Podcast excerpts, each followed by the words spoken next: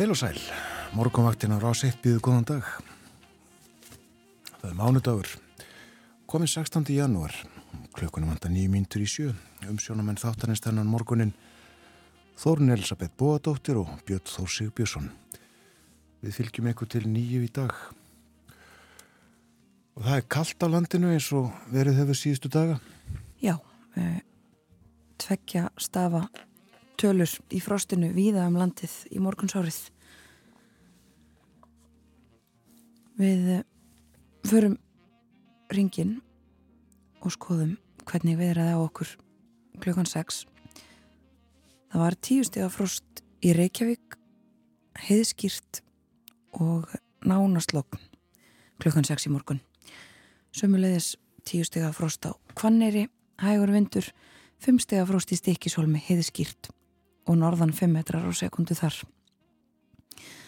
Það var 12 stega frost á Patricksferði, hægur vindur, blésað austan og fjögur stega frost í Bólungavík, norðan 3 metrar á sekundu þar. 6 stega frost á Holmavík og 5 stega frost á Blöndósi, norðan 5 metrar á sekundu á báðum stöðum. 4 stega frost á Söðanisvita og 4 stega frost á Akureyri skíjað og 5 metrar á sekundu þar. Þryggjastega frost á Húsavík og fjögurastega frost á Reyvarhöfn. Einna kvassast á landinu þar í morgun 9 metrar á sekundu. 5 stega frost á Skeltingstöðum og 5 stega frost líka á Egilstöðum. Þar var lítilsáttur snjókoma klukkan 6 og hægur vindur. 14 metrar á sekundu á höfni Hortnafyrði í 5 stega frosti og líka 5 steg frost á Kvískerjum en 9 steg frost á Kirkjubæjaklustri. Og 5 steg frost á Stórhauðaði Vestmannegjum, hægur vindur og 10 steg frost í Árnesi. Kaldast á landinu var á hveraföllum 17 steg frost klukkan 6 í morgun þar.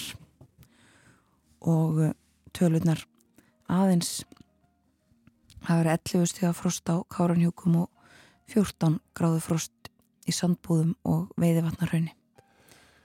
Og ég dreg fram veðurspána, horfur dagsins, það verður norðalæg átt á landinu í dag, eh, við skvar 8 til 13 metrar á sekundu og kvassara í vindstrengjum við fjöll suðaustan til.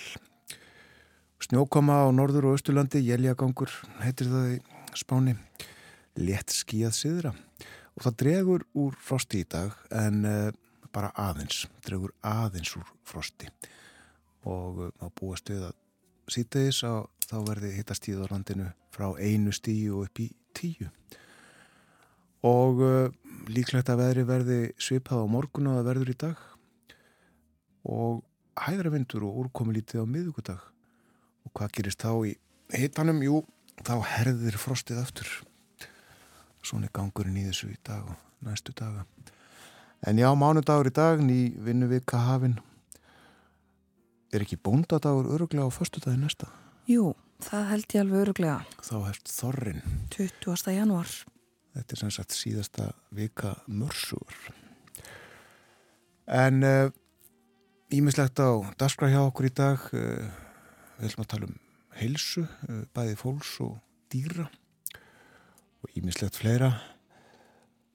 Verður allt með hefðbundum hætti. Hvernan morgunni hjá okkur? og uh, svona eftir bókinni þá setjum við eitt lag núna á fónin. Já, við ætlum að heyra Nínu Simón syngja. Lægið heitir The Look of Love.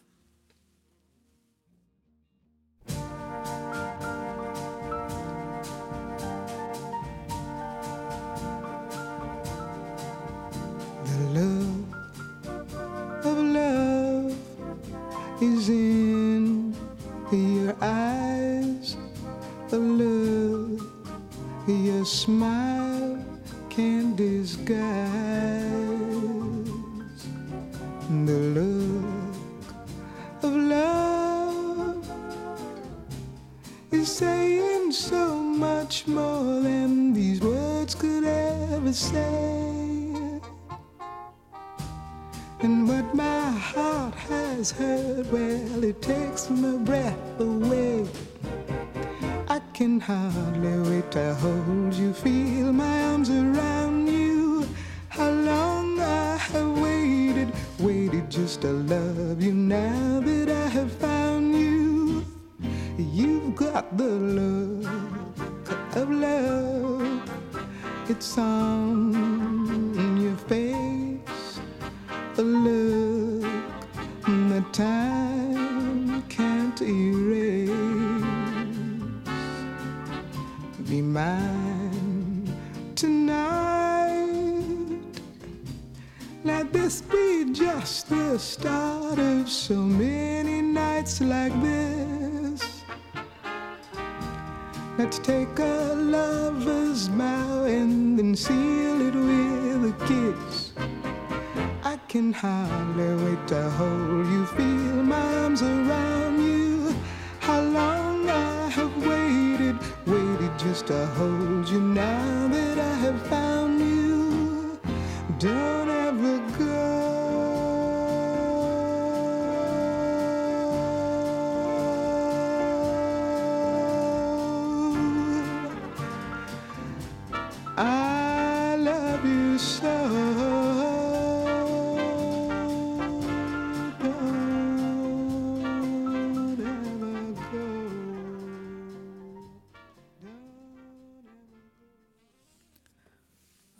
of Love söng Nina Simone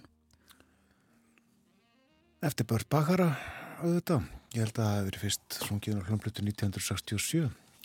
Margir spreitt sér á þessu lagi gegnum áratn og áratvíðina. Já, En já, það er kallt úti og hálka víða og vegum sjá í skeitunum frá vegagerðinni og uh, sumstaðar er uh, vesen á vegum.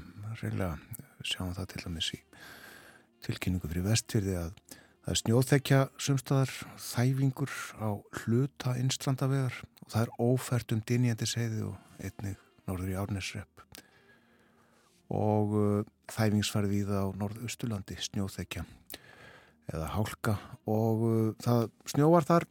Geljagangur og skafreiningur við það förum betur yfir þetta allt saman á eftir og uh, förum ítalega yfir efnið þáttarins í kynningu eftir fréttirna sem að koma eftir stuttastund veltum þá líka betur fyrir okkur veðrinu í dag og næstu daga. Já þá að hlína öll í til setnipartin kolna svo aftur á miðugudaginn og svo hlínar á ný. En uh, fréttirnar koma hér eftir stuttastund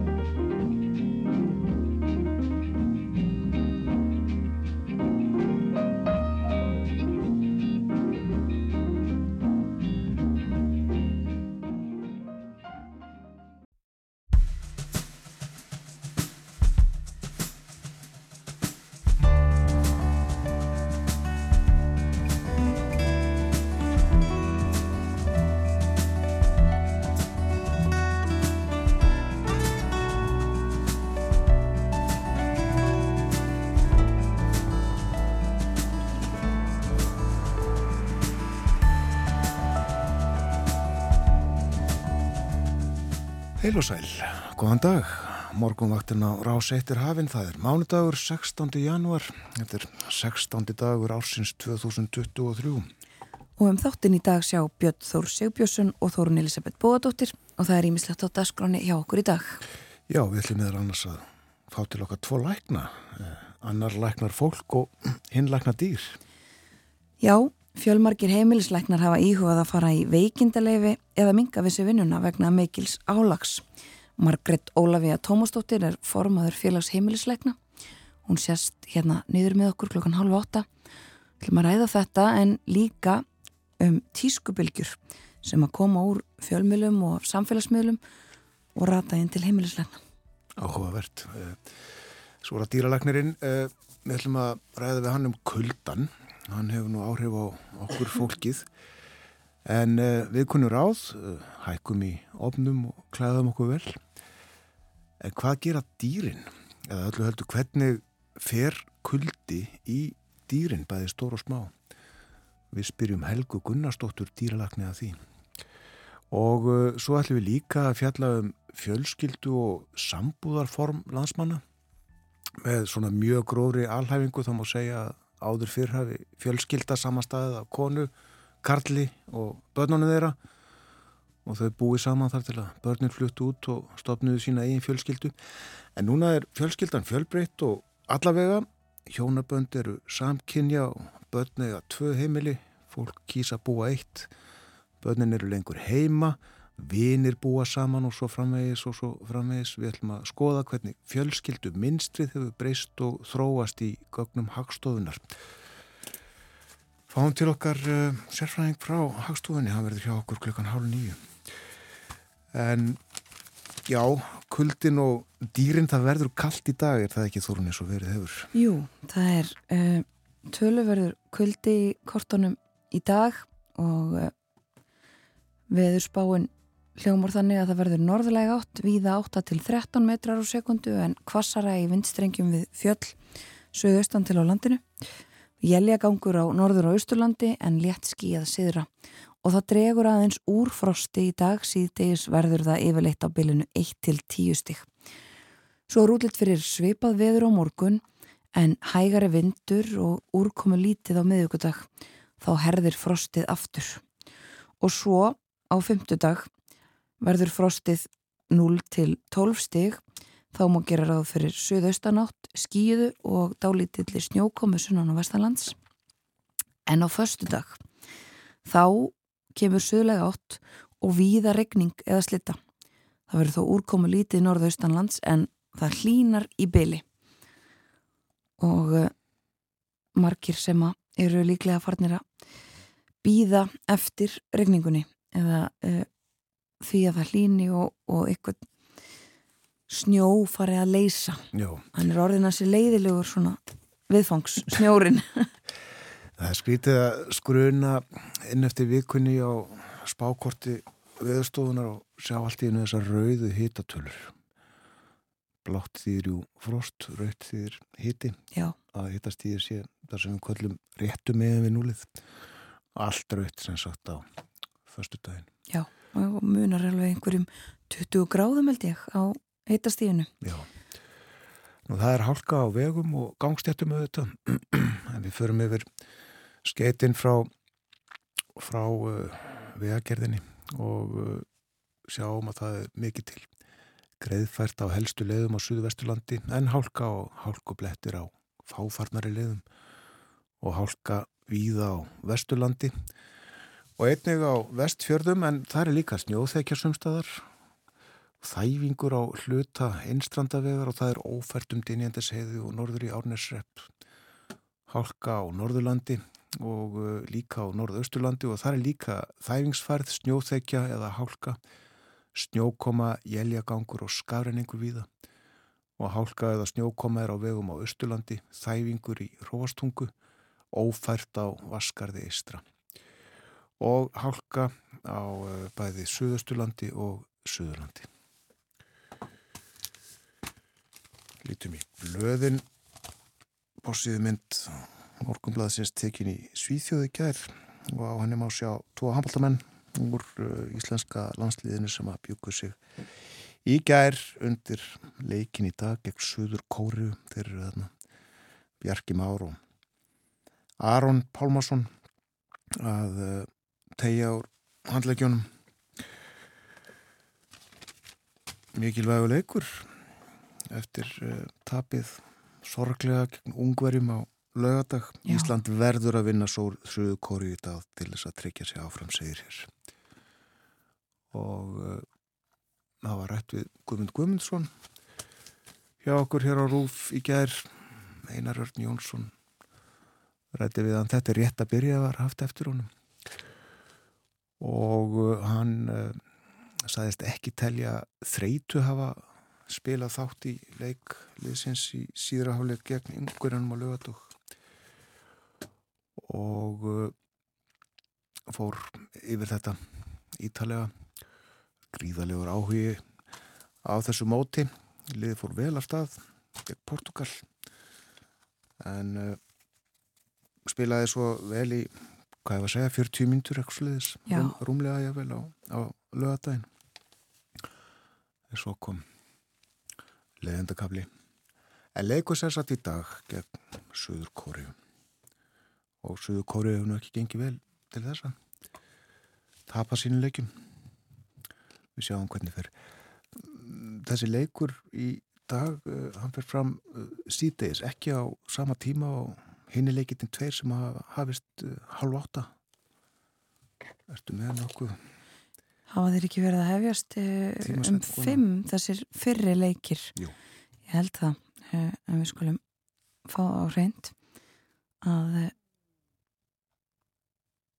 þetta er, jú, það er klokkan fimm sem er leikið. Fimm og svo halv átta. Þannig að leikurinn á milli Söður Kóri og Íslands klukkan 5 í dag. Já, nú uh, annars er á fórsvíðu morgunblæsins fjallað um uh, um uh, málefni ljósleðarans sem er held ég með að segja dóttur félag orkuveitunar og það félag er að kaupa búnað af fyrirtækinu sín og nokkuð hefur verið fjallað um þessi mál í fjölmjölum að undarförnum engum í morgunblæðinu en uh, borgarfulltrúar uh, sjálfstæðisfloknum fyrst og fremst hafa kallað eftir að fá að sjá samning um þessi kaupljóðs leðarans á búnaði frá sín en uh, þeim hefur ekki orðið að þeirri ósksinni og málið er ætt við Gilva Magnússon sem er formaður stjórnar orkuveitunar og uh, hann segir þetta er í eðli sínu viðskiptasamningur við stæsta viðskiptavinn ljósleðarans. Þannig mál eru almennt á borðið þeirra sem að stjórna ljósleðaranum, frangatastjóra og stjórnar. Og uh, hann er bara spurður beint út hvað standi í vegi fyrir byrtingu þessa samnings og segir stjórn orkuveitunar hefur fengið ágetar upplýsingar um það hvað fælst í þessum samningi hver áhrif hans eru og fjárhagsleg áhætta og slíkt. Það eru fullnægandi upplýsingar til þess að sinna eftirlit svo stefnunmótunar skildu stjórnarinnar og það er hins vegar annar mála þetta eru viðkvæmar viðskiptarlegar upplýsingar sem liggja í samningi í þessum bæði fyrir ljósleðran og fyrir sín og almennt eru slíki samningar ekki gerðir ofinberir. Og Morgunblæði segir líka frá því á fórsíðu að stjórnskipunar og eftirlitsnemt hún eh, heldur áfram umfjöllun sinni um skýslu ríkisendurskúðunar um sölu á hlut ríkisins í Íslandsbanka á fundi í dag. Þetta er 16. fundur nefndarinnar þar sem málið er tekið fyrir. Einmitt og ég held ég fara rétt með að það sé að hefjast já svona fundavika á alþingi. Eh, þingið kemur ekki saman á nýferinn eftir viku en e, þessa vikuna verður, verður funda, það verður nefnda dagar þannig að það eru fjölmarkar nefndir sem að funda. Akkurat. Og já, e, stjórnskipunar og eftirlitsnefnd e, hefur sinn fund klukka nýju og e, upp úr tíu að þá kemur auðarengismáli nefnd saman og meða lefnis á fundi hennar í dag er þjóðar öryggi stefna fyrir Ísland. Einmitt, ef að heyra eitt lag áður en við förum út í heim. Töluðum um regninguna hérna á þann það væri von á regningu og hún væri kannski langþráð. Hlákan. Og farið að lengi eftir henni.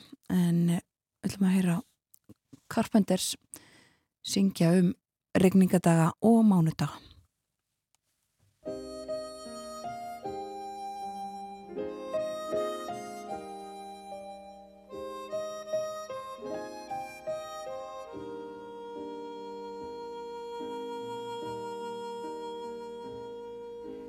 talking to myself and feeling old.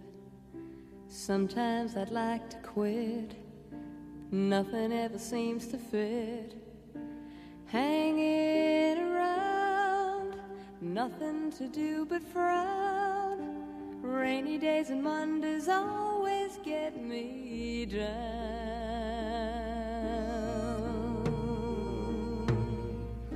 What got they used to call the blues. Nothing is really wrong. Feeling like I don't belong. Walking around some kind of lonely cloud. Rainy days and Mondays always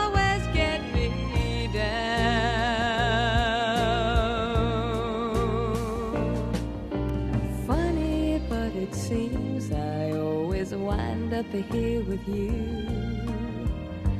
Nice to know somebody loves me. Funny, but it seems that it's the only thing to do. Run and find the one who loves me.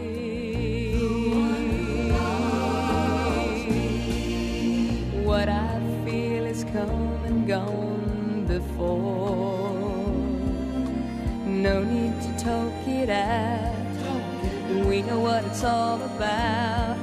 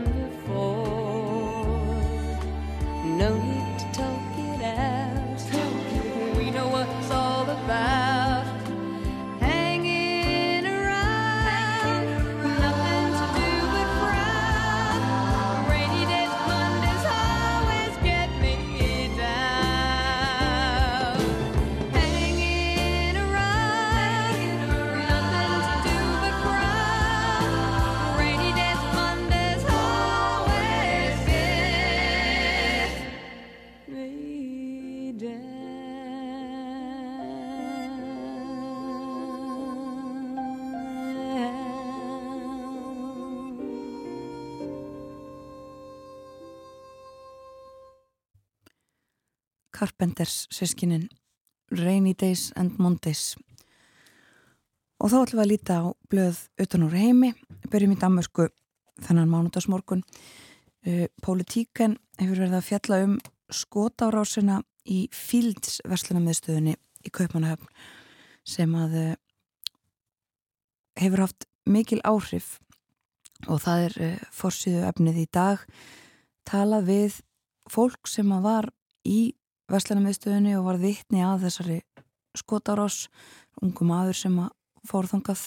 Það var júli í fyrra og uh, hóf skotrið og uh, margt þessa fólks glýmir enn við uh, eftirköst afleðingar þess að hafa verið þarna.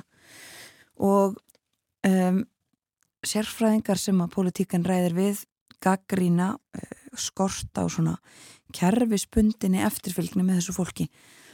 Það hef ekki verið uh, fylsnægilega vel með og uh, því ekki, ekki haldið nægilega vel utanum þetta fólk. Og það er gaggrínt uh, það er fórsýðu efnið í dag á politíkan þetta var líka til umfyllunar í uh, blaðinu í gær.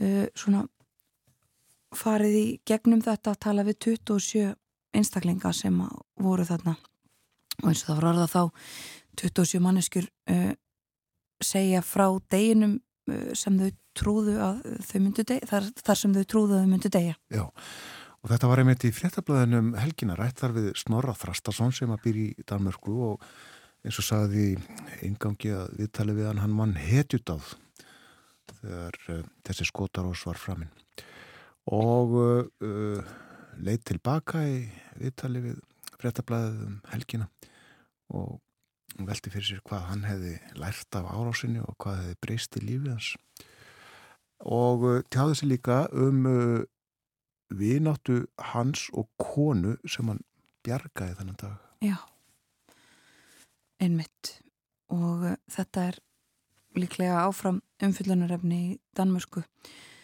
Um, Forsíðan og informásjón í Danmörku er uh, annars eðlis, þar er uh, sjónum beintað átökum og uh, í bakmút í Úkrænu og uh, áhrifamikil mynd af særðum Hermanni sem verður að hlúa að. Og fyrirsögnin er svo að í bakmút þá séu minn hættir að telja hversu margir séu látnir.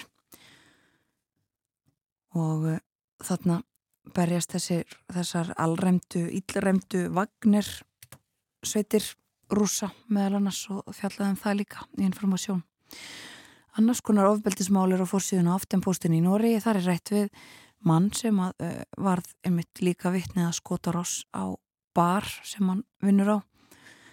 Tveir menn sem að voru skotnir á barnum sem hann vinnur á og hann segir að það hafi eitthvað breyst í Oslo. Ofbeldið fara vaksandi og hann hafi oft séð fólk með nýfa og byssur. Oslo er ekki sami fín í bærin og ég flutti til, segir hann. Og uh, aðeins meira frá Úkrænu það, uh, og við heyrðum af því fréttum í morgun að loftárósum á íbúðahús í Nýpró þar sem að nú hefur verið staðfesta 35 sjöulátin og uh, það er enn verið að leita í rústum þessa uh, hús það var rúsnesk eldflög sem varð öllu þessu fólki að bana. Og líka sagt frá því í erlendum fjölmjölum að uh, rússar hafi hafið árósir á Saporizia þar sem er hlustundur þekkja kannski vegna þess að þar í kring er þetta stóra kjarnorkuver sem að barist hefur verið um og miklar áhugir hafa verið af uh, afdreifum þessu og fólksinn sem að þar starfar. Rússar náðu uh, kjarnorkuverun og sitt band snemma og uh, þrátt fyrir það hafa úkrænum en verið að halda því gangandi. En líka satt frá því að, að rússar og Belarus hafi hafið æfingar loft sagt, hernaðar æfingar Nú svo er það flugslis í Nepal sem við heyrðum líka við fréttunum á þann ólíklegt að það hafi nokkur lifað það af, segir laurugla í Nepal. Og að minnstakosti 68 látin þar, þetta var flug frá Kathmandu til Pokhara í Nepal. Og um, en verða skoða þetta og eins og við heyrðum í fréttunum á þann þá er búið að finna flugurita þessarar vélar. Örsnögt til Bretlands. Þar er ímislegt að eh, fretta einmitt þetta flugstis í Nepal á forsiðunni á Guardian. En þar er líka fjallað um það að e, það sé mikil reyði vegna tilrauna fórsættisráþrans Rissi Súnak e, til þess að veita löguröglunni e, viðtakar heimildir til þess að reyna að komið vekk fyrir mótmæli í landinu. Um, og þetta eru mótmæli sem að tengjast uh, verkvallum og uh, bóðuðum verkvallum þau eru uh, þó nokkur í dag verður til dæmis tilkynnt um niðurstöðu verkvalls atkvæðagreyslu hjá kennurum og sagt frá því á öðrum fórsýðum að, að útið sér fyrir að börn í Englandi og Wales verði látin verið í skólanum í gegnum tölvuskjáin eins og uh, í COVID. Og það sé uh, partur af áformum stjórnvalda um að reyna að halda hlutunum gangandi ef að kennarar fara í verkvall sem búist er við að, að, uh, þeir geri eða samþykju það, þau verkvall hefjast þá í næsta mánuði í februar og uh, fjallaðum þetta líka á fórsíðun á, á Daily Telegraph og uh, sagt þar að kennarar gætu bæst í hóp hjúgrunafræðinga og fleiri Um, í dag sagt, kemur þetta í ljós og á miðvíkudag þá er næsta verkfall hjá hjúgrunarfræðingum bóðað og uh, sömulegis fleiri stettir sem að ætla að fara í verkfall þá. En ásænst að þrengja rétti fólks til að mótmæla? Það er einhverjar, um, einhver áform um það að, að gefa, já, lögurglunni uh, leifi eða heimildir til þess að uh, taka stöðva mótmæli eða, eða taka með einhverjum öðrum hætti á þeim. Og uh, samt sem áður segir svo nakka uh, það sé mjög uh, mikilvægt og heilagur réttur fólks að, að mótmæla en það sé ekki algilt, það verða að vera eitthvað skonar jafnvægi, segir hann. Já. Og hér er eitt lag að við hleypum fréttastofinni að hlustum á annað Carpenterslag, þetta er Close to You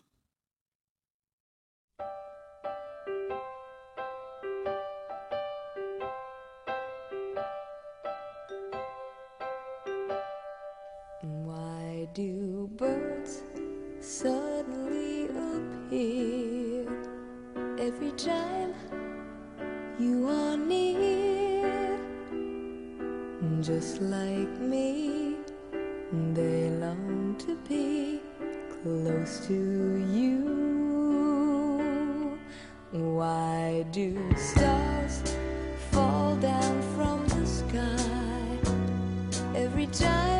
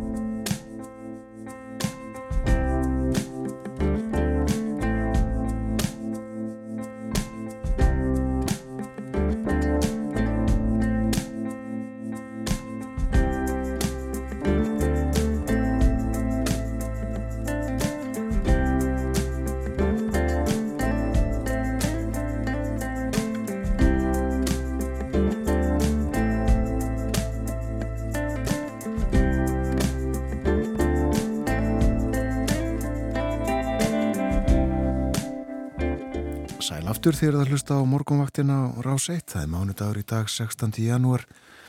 Klukkan réttliðilega hálf átta. Umsjónamenn þáttanistunnan morgunin Þórun Elisabeth og Björn Þór. Og það er ímislegt framöndan hjá okkur. Við ætlum að tala eins um eh, fjölskyldu minnstur og sambúðar minnstur. Gerum það klukkan hálf nýju. Melda fyrir okkur uh, þróun í þeim efnum, uh, förum betur yfir það á eftir. Uh, við klíka aðtegli á að hér eftir morgunfrétnar klukkan 8 og þá ætlum við að tala við uh, dýralækni um áhrif kuldans sem að er og hefur verið og verður eitthvað áfram á dýrin, bæði gæludýrin og einni húsdýrin í fjósunum og fjárhúsunum, hestúsunum meira en það á eftir. En uh, veðrið, uh, hvernig ætli viðri í dag? Jú, það verður norðlæg átt, uh, vindræðina 13 metrum á sekundu, kvassara þó í vindstrengjum við fjöll suðaustan til og snjókoma á norður og austurlandi, létt skíða síðra. Og það dregur aðeins úr frosti, sítiðis verða yfirleitt á bylinu 1 til 10 stík og verður svipa á morgun að verður í dag svo kólnar aftur á miðugdægin. Og já, hér á eftir ætlum við að ræðum heilsu dýra en næstu mínuturnar ætlum við að tala um heilsu okkar fólksins. Mannverana, við erum komin hingað til okkar, hún er komin hingað til okkar, ekki Margreit Ólafíða Tómasdóttir, hún er formaður félagsheimilisleikna. Velkomin til okkar. Takk fyrir. Í dag hefjast læknadagar, þeir standa alla vikuna og uh, það er nú svona hálft í kóru til um þess að þú ert komin ykkar til okkar, viljum að ræða tvent, það er ekki hægt annað en að ræða um, um aðstæður lækna og uh, heilbreyðs þjónustuna þetta eru auðvitað mikið í fréttum ekki bara núna heldur reglulega. Um, alls konar vinklar á heilbreyðstjónustinu okkar, ástandinu þar, ástandinu innan uh, ákveðina stjætta og það var svolítið talað um, um þetta í síðustu viku uh, með það bara hvernig uh, læknar hafa það, álægið á lækna og ég veit að þetta var skoðað meðal heimilisleikna sérstaklega hvernig þeim bara líður í vinnunni í rauninni. Mm. Getur þú sagt okkur fyrst svona bara aðeins frá þeirri könnun niðurstöðunum þar? Já, félag íslenska heimilisleikna sviparendar og félag almennuleikna gerði síðasta voru í gegn könnun þar sem við vorum að skoða einmitt bara líðan og álag heimilisleikna á landsvísu í vinnu. Og niðurstöðuna kannski kom ekki þetta rosalega óvart. Þannig séð það er mikið álag og maður finnur það svo sem bara á eigin skinni í vinnunni um, en þar komi ljósamt sem áður að mjög stór hluti íslenskra heimilisleikna eða leikna sem starfa á helsugjastlum Uh, upplifa mikil álagsenginni í starfi og það var alveg rúmur þriðjungur sem upplifði í rauninni sterkkullunar enginni og að sama skapi svipu prósenda sem að velti sterklega fyrir sér undarfarnar mánuði hvort að reynda skiptum starfsvettvang og það er eitthvað sem við höfum miklar á að graf. Já, uh, og þetta var í vor, segir þau. Hvað var gert með þessu svör og þessa niðurstöður? Þetta er uh, grav alvarlegt, þetta? Þetta er graf alvarlegt, eins og staðan í heilbjörnskerfunu öllu svo sem. Um, þessar niðurstöður voru kynntar á, á almennum fundi heimilsleikna, fræsti fundi sem er gerður tvisar ári um, og smá umræða spannst í kjölfarið. Um, Félag íslenska heimilsleikna búin að vera að reyna að vinna með ákveðna þætti sem eru að ítundir álæði á heimilsleiknum Um, stopnan eru vissulega að reyna sitt líka en kannski hefðu við vilja heyra meiri skýra línur frá uh, þeim stopnunum þar sem heimslegnar eru að vinna um hvernig mætti bæta starfsæðstæður og draga úr þessu álægi. Já, uh, sko hvernig, hva, hvað sjáu þið fyrir ykkur sjálf heimilslegnar, hvernig væri til dæmis hægt að bæta starfsæðstæður? Ég held að þurfi dáliti kannski að taka til smá endurskoðunar þá stefnu sem við tökum í heilbreyðsmálum og inn á heilsugjastlunni kristallast að dáltið í hver grungildi heimilisleikna eru, hvað það er sem við viljum standa fyrir og hvað það er sem við viljum vera að sinna í okkar vinnu. Nú er það þannig þegar að allt, allt heilbreyðskerfi logar og, og allstar vantar fólk að komast að og vantar þjónustu að þá eru auðvelt að vísa öll á heilsugjastlun og það er skiljanlegt um heilsugjastlan á að vera fyrsti viðkomustæðurinn en eftir því sem að meiri þörfur á bráðaþjónustu þá höfum við svolítið verið að vinkla inn í að keira meira og meiri bráðaþjónustu á helskaslistöðunum um, sem er gott af vissuleiti og við viljum gera það en það tekur af þeim tíma sem við getum verið að sinna eftirfyllt langunir vandamála uh, og þar þarf að finna einhvers konar jafnvægi. Og svo eru hlutir eins og skilabóð og heilsuvera og, og hlutir kannski sem skipta minn og máli varðandi heilsu fólk sem að tekur af þeim tíma þar sem við ættum að vera þjónusta þá sem þurfa meira okkur að halda. Já. Þannig að þar þurfum við svolítið bara að fara ofan í grunninn hvað nýtast starfskraftur okkar best í rauninni. Já, ég sá uh, einhver staðar uh, umræðu um einmitt það sko að, að heilsugjastluleiknar á Íslandi þessast heimilisleiknar þeir sinni uh, svo fjölbreyttum verkefnum og þeir til dæmis beri ábyrð á alls konar vottorðum og alls konar svona skriffinsku sem sé, er það meira hér heldur en uh, til dæmis í löndunum í kringum okkur? Það verðist vera tölvert meira hér heldur en í löndunum í kringum okkur. Um, og það er það er svo marga típur af vottorum það er svo eitthvað í nánast hver sem er geti allast til þess að fólki fara til leknis og fá vottor fyrir hitt og þetta. Já. en það er alltaf það sem vegu þingst eru hlutir eins og eins og ákveðum vottorði uh, varðandi vinnuveitinda vottorði þarna veikinda sem kannski hefði ekki þurft að fara á heilsugjæsluna yfir höfuð þú ert bara veikur í nokkra daga og þarf ekki að að halda og þarf bara að vera heim og kvíla þig að þá er merkilegt og þurfi samt á heilbriðstarfsmann að halda til þess að votta að þú hafur átt að vera heim og kvíla þig.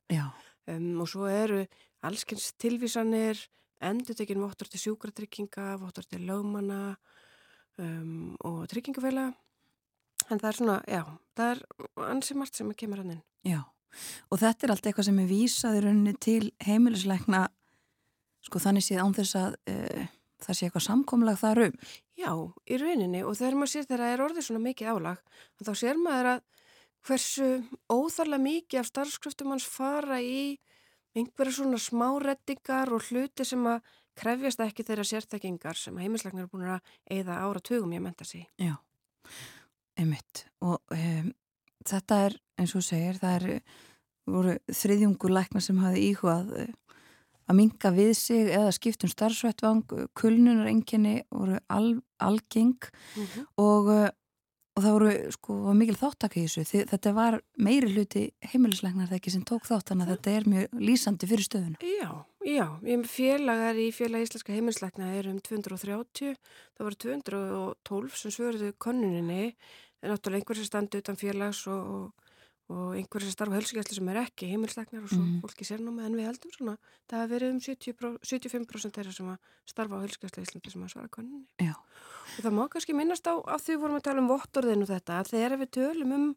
álæðum að spýr heimilisleikna út í hvað það er sem að er helst að brenna það út, að þá er það þessi skriffinska, pappir. Það er engi sem talar um það að það að hitta skjólstæðingar sér íþingjandi, það er það sem er gulli í starfinu Já. og við viljum einmitt geta einbytt okkur meira að því. En væri einhverjir aðrir sem getur tekið að sér til dæmis þessa skriffinsku eða hvernig uh, er einhver lausna á þessu? Sko, Annað en þetta mitt sem þú nefndir á þannig að kannski fólk sem er veikt heim í nokkra daga ætti ekki að þurfa áttorð. ég held að þetta sé spurningum að taka aðeins til og hreinsa í helbriðskerfinu. Ég, ég held að við væri mörlítið að pissi skóin okkar að við ætlum að segja hei, fáum hjúkunarfræðinga til þess að skrifa þetta. Því að við vitum að þó þessi fullfærir um það þá nýtast þeirra starfskræsar líka betur við að gera aðra hluti. Já, og þeir eru líka undir gríðalegu og þeir eru líka undir álægi og, og, og vannmannaðir og allt þetta. Þannig að hérna, það var engin lausn. Ég held að þetta sé sp- sé spurningum að taka til. Já, akkurat. En eins og þú sagðir áðan líka, Margrét, þá er það hefur verið stefnan svona heil, heilsugjastlan sé fyrsti viðkomastæðurinn. Já. Um, svo líka verið svolítið talað um bara það vanti líka heimilisleikna til starfa.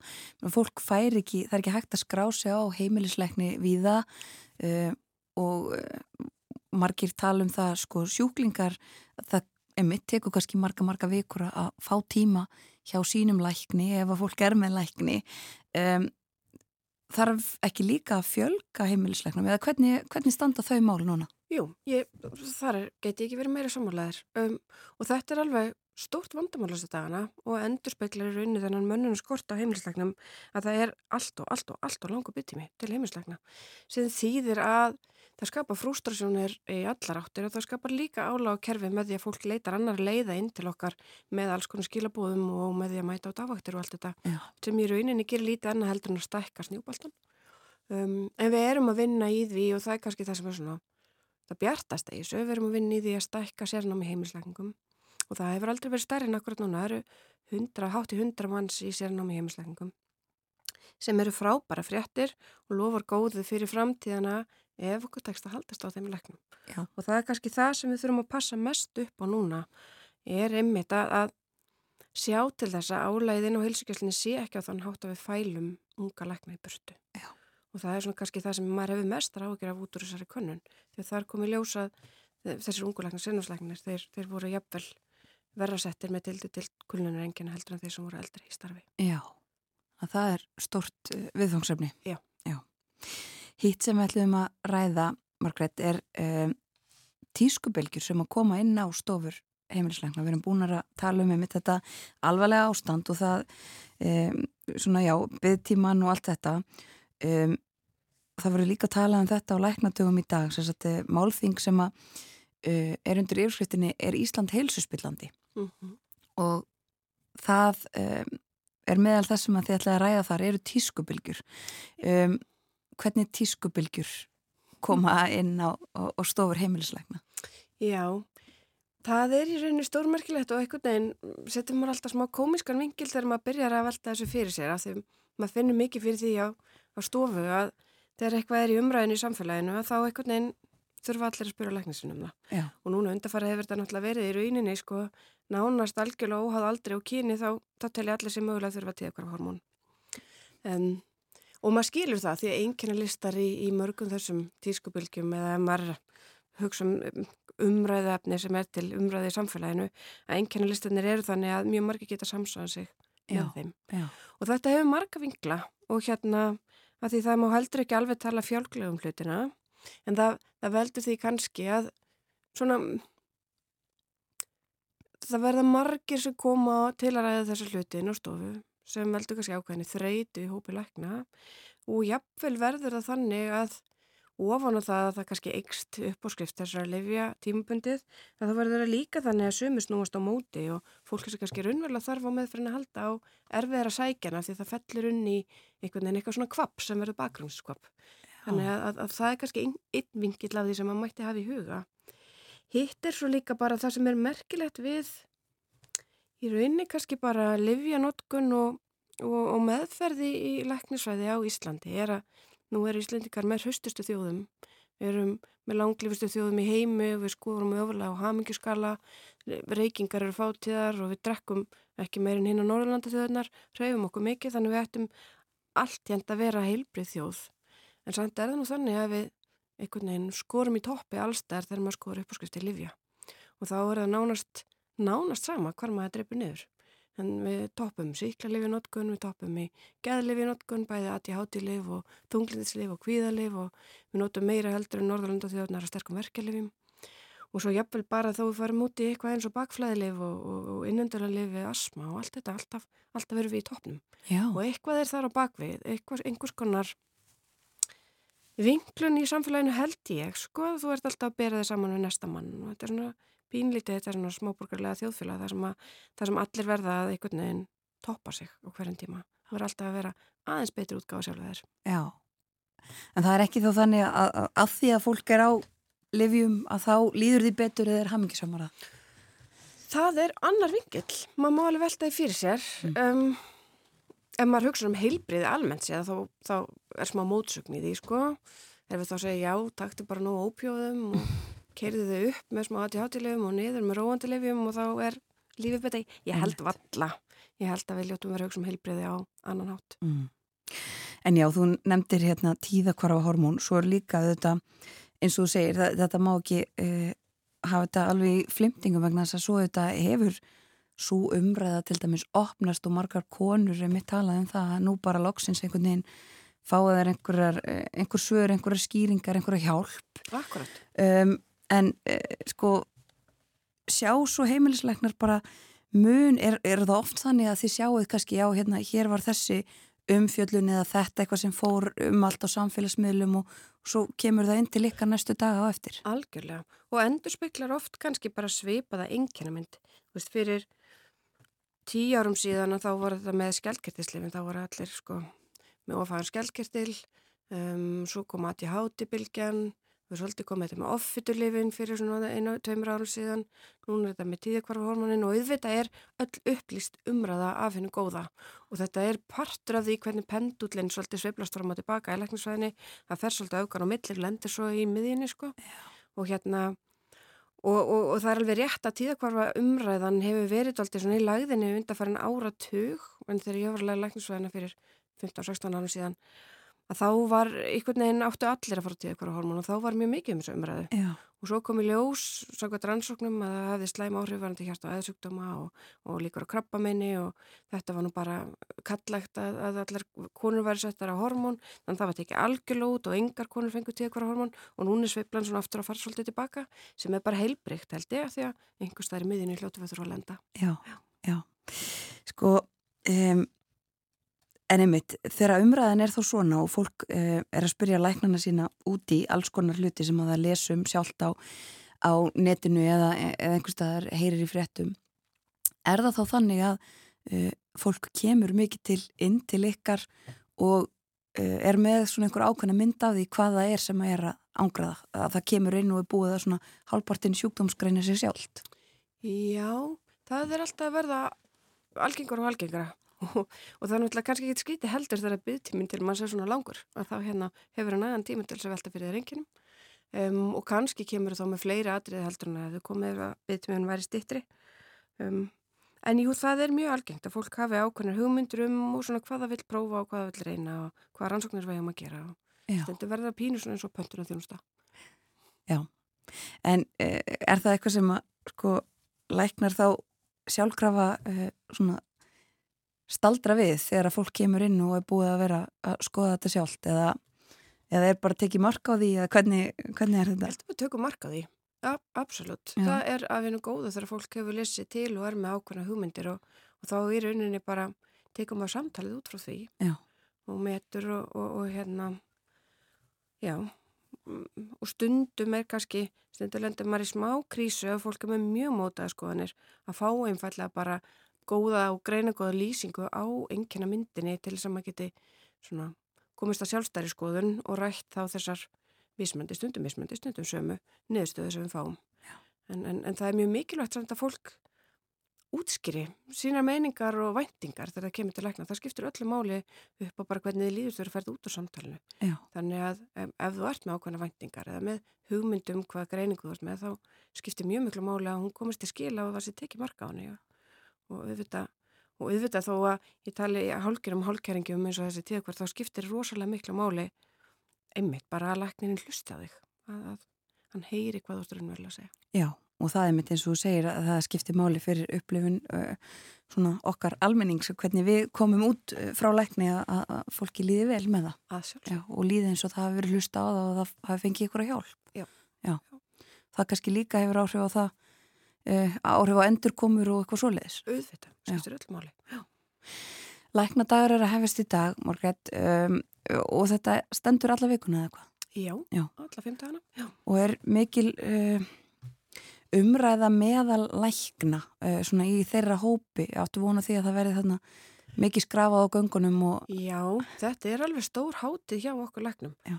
Og einhvern veginn maður hittir kollega sem starfi í öðrum sérgreinum og svona þannig að það er, það mjög mikið spjall á göngunum og svo endur við vikuna á ásóttiði læknafélagsins þannig að þá er alltaf mikið fjör. Já, og þetta, verður, eða, þetta stendur almenningi auðvitað ekki opið en e, þú ert að fara að ræða þetta með hvort að Íslands er heilsu spillandi í dag Mm -hmm. og við heyrum ábyggilega fleira af e, læknadögum næstu daga. Kæra þakki fyrir að koma til okkar á morgunvaktina og segja okkur frá tískubylgjum og líka ræða um starfsaðstæður heimilisleikna. Takk fyrir að bjóða mig til ykkar. Margret Ólafía Tómastóttir er formaður félags heimilisleikna og þetta er Þetta eru læknadagar sem að hefjast í dag og hún ætlar meðal annars að tala um það hvort að Ísland sé helsuspillandi. Við sláum met í alls konar uh, málum, uh, livjanótkun, uh, hvort sem um er að ræða síklarlif eða, eða önnurlif, jafnvel þó að færi sig í til dæmis bakflæðislif eða eitthvað fleira, þá er, sláum við þar metin.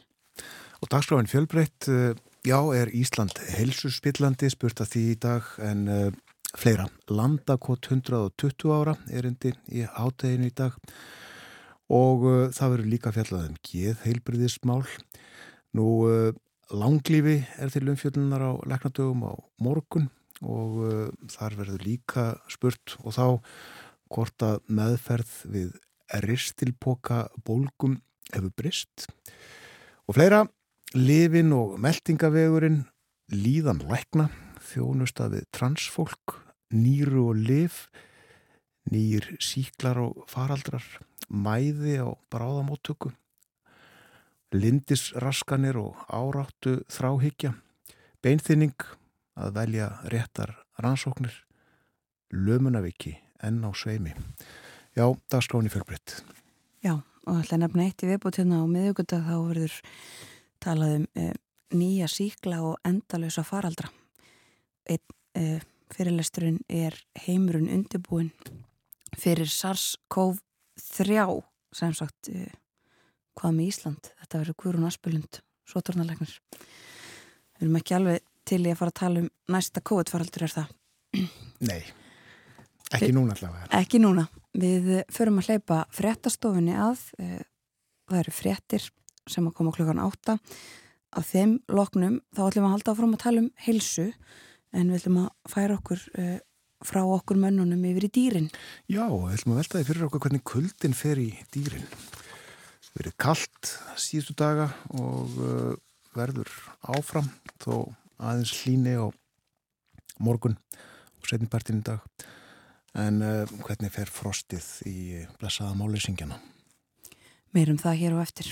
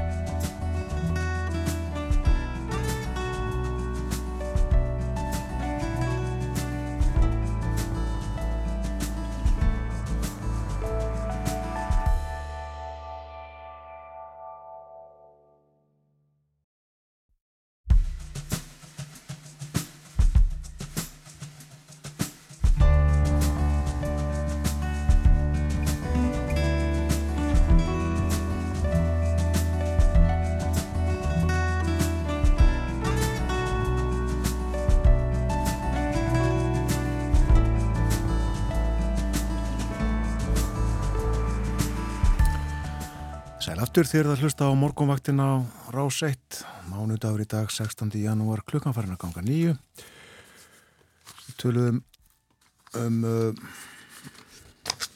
heilsu okkar aðeins hér áðan og ímislegt uh, sem að varðar hana uh, hvað getur haft áhrif og uh, þá svona, já, hvernig við okkur líður með líðan okkar, getur við sagt. Ég myndilegt svona í umhverjum í fjölmjölum og samfélagsmjölum ekki síst sem að getur hjálpað okkur að greina okkur eða reyna greina okkur en greiningin ekki alltaf rétt.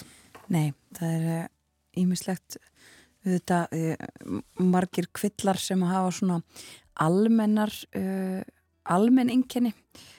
Það getur verið uh, það sama sem að gildur um alls konar kvilla en uh, þegar einhver ákveðin er í umöðunni að þá uh, halda margir að það sé þá einmitt það sem að hrjáir þá.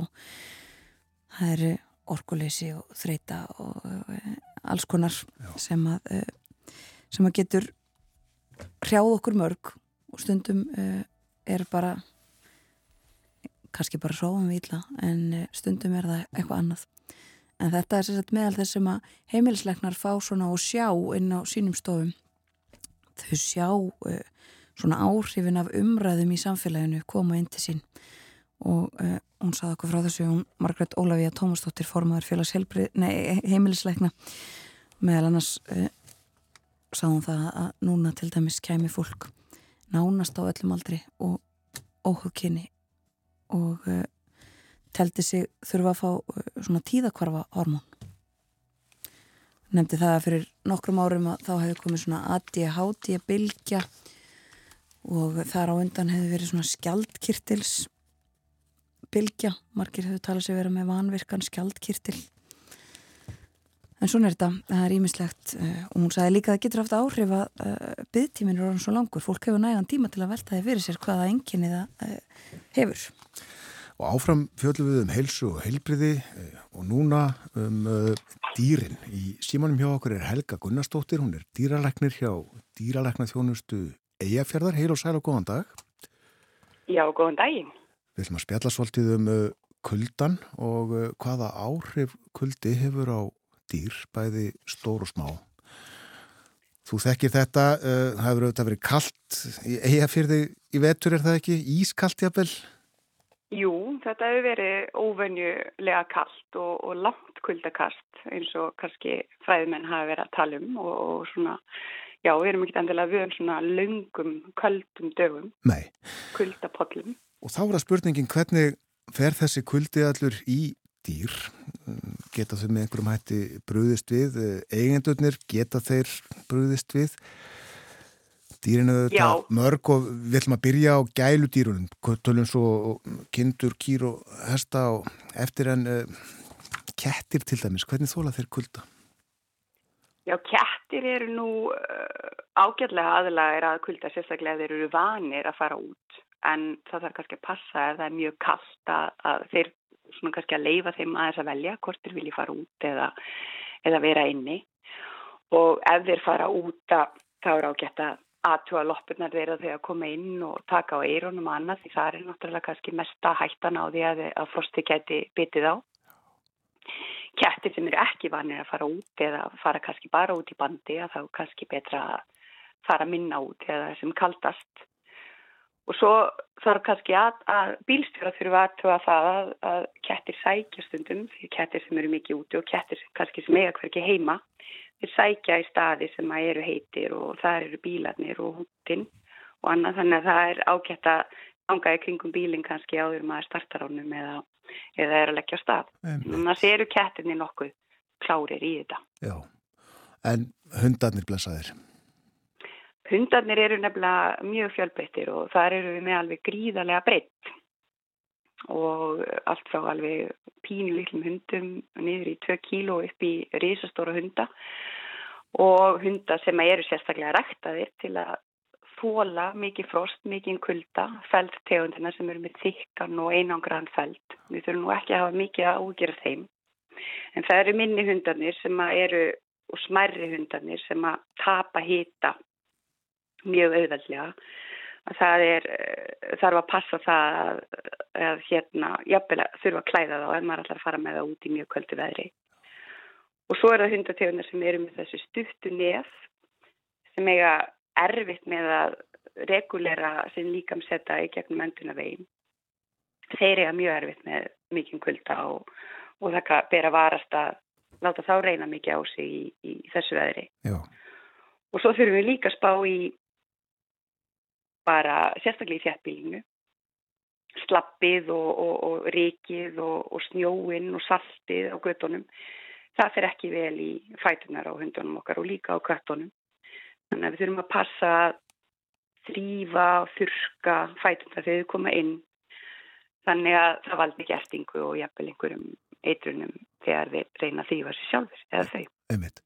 Þú nefndi það að, að, að það er sniðut að klæða hunda í svona kápur, það er gera gagn sem sagt? Það er gera gagn á þessum uh, minnstu hundum sem eru með hvað fínasta og þinnsta feldin að þá er, þá finnum að henni líður betur í, í aðeins pínu yfirhafn.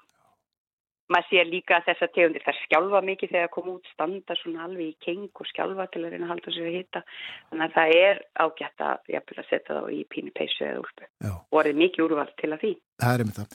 Eh, heldur að uh, dýrunum líði sæmilega í 10-15 steg af frosti?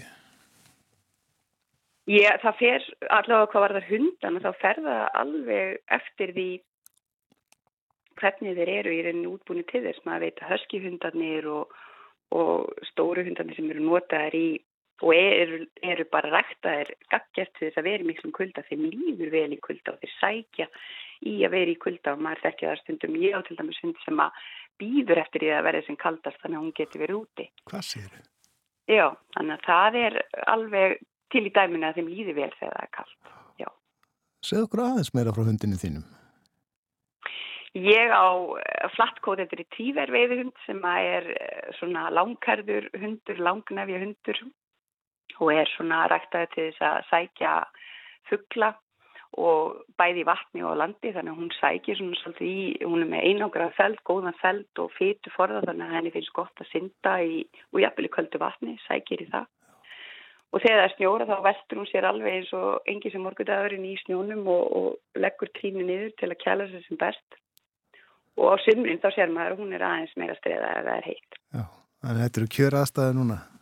Já, hann er lífið vel, ég get ekki sér betur. Nei, en þetta er, uh, má ekki segja, tvíþætt. Það er annars vegar bara þetta kalda uh, loft og umhverju sem að dýrin eru í og, og, og svo, uh, og sem að er sko nema með skinnfærum sínum og svo er það sko það að anda að sér mjög köldulofti. Já, og það er sko lungun í rauninni og þá skiptir ekki endilega miklu máli hvaða dýrategund þið er. Lungu þurf starfa yfirleitt best við kjörhítasti og efri öndunavegurinn hann á að vera þannig að geta hýta lofti nægilega á en það kemur nýri lungu og er, eh, það skiptir miklu máli þannig að þú ert að reyna mikið á þig í köldu lofti þar sem þú þarfst að anda hraðar líka að þá er í rauninni möguleiki á því og líklega að lofti sem næri lungu sé ekki orðið nógu heitt mm. og þá verður þetta, uh, þetta álag, lúna álag á, í, í miklum kulda. Já, förum út í sveit og heima á bæina, uh, hvað með kindur, kýr og hesta? Já, ef við byrjum á, á fjennu, í flestöldum tilfellum er allt fjeg komið á hús í dag og það er búið að rýja, það er segja að klippaði nullina og er komin á mikla gjöf, fengið tími liðin, þannig að þau, það er lítið um að fjeg sé úti í dag. Það er á einum og einu stað sem fjeg gengur opið það sem það segir og þá fær það fjeg að vera í ullinni og þeim líður ekki illa. Gefið að það er fjögur sæmilega þurrar og hafi aðgang að nægu fóðri. E, íslenska öllin er alveg gríðarlega fullkominn fyrir þessar aðstæður. E, varandi nautgripina þá eru nautgripi líka ágætlega aðlæðir kulda og þóla kulda ágætlega alveg vel niður í mínusgráður og uh, fjósin í dag er yfirleitt uh, vel útbúin, þetta eru loftskipt fjós uh, sem eru sæmilega og vel hitnastýrð og það, er sína það mjög greinilega ef það eru, ef þeim líður eitthvað þá mingar nýtin í þeim, það eru svona aðeins órólegri og ég held að ég þekk ekki neitt einasta búnda sem að passa ekki vel upp á þann part. Nei, mitt. Já, bændunni sjá uh, mjög vel hvernig kýrnar hafa það uh, bara á mjölkutangu. Já, já. já, þær eru mjög fljótar að sína það svona á hjarðar basis ef það er eitthvað í ólægi já. og þá er grepið bara mjög fljótt inn í. Þetta getur einn og einn einstaklingur uh, svona kannski verið uh, með einhverjar eitthvað annað í gangi og þá er það bara að skoða sérstaklega en ef hjörðinni líður illa þá kemur það mjög fljótt fram. Og svo er það hestatnir, þú tekki nú vel til þeirra? Já, það er, og, og það er svona tventar sem við þurfum að vera að hugsa um. Við erum að hugsa um sko, þá hesta sem eru kominir á hús, eins og maður segir, sem eru byrjaðir í nótkun og þjálfun og svo erum við náttúrulega með stóðin okkar sem eru ennþá úti, mörg hver. Og e, íslenski hesturinn í úti veru eða, eða útigangi eins og við kallum hann er gríðarlega vel aðlæður með góðan og einangran felt og svo hefur hann möguleika til að sapna á sér mikill í fétu sem einangrar enn frekar. Þannig að ef það er þurft og stillur og, og hrossin hafa nægan aðgang á fóðri, e, góðu fóðri, þá höfum við í rauninni ekki miklar ágjur af útiganginu. Við förum frekar af ágjur útiganginu með að verða svona rækningar og umleipingar og annað. En í kulda og stillum og þá líður útiganginu mjög bara vel ef við tölum um reyðsossin okkar þar sem við erum farin að þjálfa þau og taka þau inn að það er svona svolítið uh, annað upp á teiningum þar. Og uh, kannski ekki mjög mikið að rannsóna til hversu mikið hross þóla að vinna undir álægi í miklum kulda. En það eru svona nokkra rannsóna sem benda til þess að, að undir miklu álægi þar sem hestum þarf að svitna uh, auka afkvöst öndunar það getur sett hann undir álag í miklum kulda. Þannig að það er ekki ráðlegt að fara í útrýðatúr þegar það er mjög kallt? Ég held að það sé kannski ekki svo einfalt að segja ekki leggja á í miklum kulda. Frekar að hafa í huga að reyna ekki of mikið á hestana mm. í miklum kulda.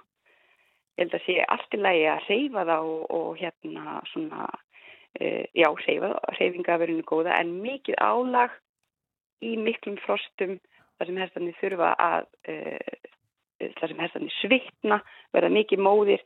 Ég kannski endilega mæla ekkert sérstaklega með því. Nei, akkurat Verður þú verfið það að fólk hafi áhyggjur af dýrunum sínum í frosti, miklu frosti? Já, ég verð allavega sem herstadýrlækni sérstaklega þar sem ég er búin að vera mikið í herstadýrlækni að þá er mikið spurt um þetta og, og hérna fólk spáir mikið í þetta. Sem er bara mjög gott og, og líka því að þetta er óvinnulegt ástand, það er maður er búin að vera fylgjast með í fjettum það er um 50 ár síðan eða rúmlega síðan við vorum með svona mikið kuldakast. Já, akkurat. Þetta er svona eins og lengstu menn munnar sko. Já, einmitt. En já, uh, kettirni til umfjöldunar hér áðan uh, hvernig er það? Er mega kettir vera á ferli á akkuriri? Ég held það bara. Já. Ég held að kettir fara alltaf sína eigin leið. Það mjög hvað mannfólk er alltaf að reyna grípin í það. Já. En mannstu þetta var, gekk í gildi þetta, var ekki bannreinlega sem að bæðistjórnin ætlaði að setja eða setti við, við uh, út í gangi katta? Ég held án þess að ég sé með einhverjar hérna, fundargerðir frá stjórnarraðan hérna að þá held ég samt að þetta hafi verið meira í umræðinni Já. heldur en búin til einhver lög. Já. Og eins og segi, kettir eru, eru kettir. Man smalar þeim ekkert að öðla saman. Kettir eru kettir. Fara sína reynleiðir, það er ég. Takk að þið kellega fyrir spjallið í dag, Helga. Takk kellega fyrir mig. Helga Gunnarsdóttir er dýralæknir. Búsett á Akureyri, dýralæknir hjá dýralækna þjónustu eigafjörðar og þetta var aðeins um dýrin og kuldan, áhrif kuldans á dýrin, tölum ketti og hunda og kindur, kýr og hesta.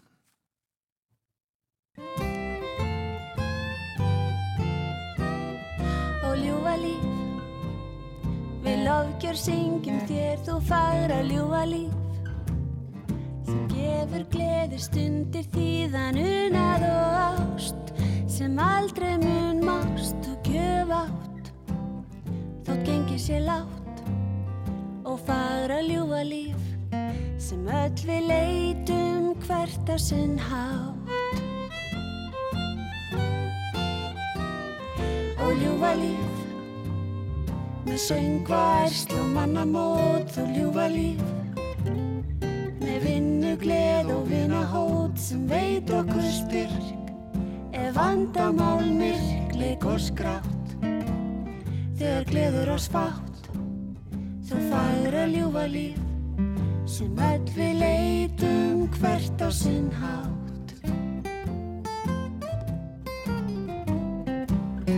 Þitt er leal gleim og unaðar bán með alltaf skal í kvöld svo hrifist minn sá á fljóðvangjum ástarinnar í paradís Það sæðist og besta sem að nokkur maður sér kýrs og ljúfa líf sem laungun okkar kveikir vilt og ljúa líf.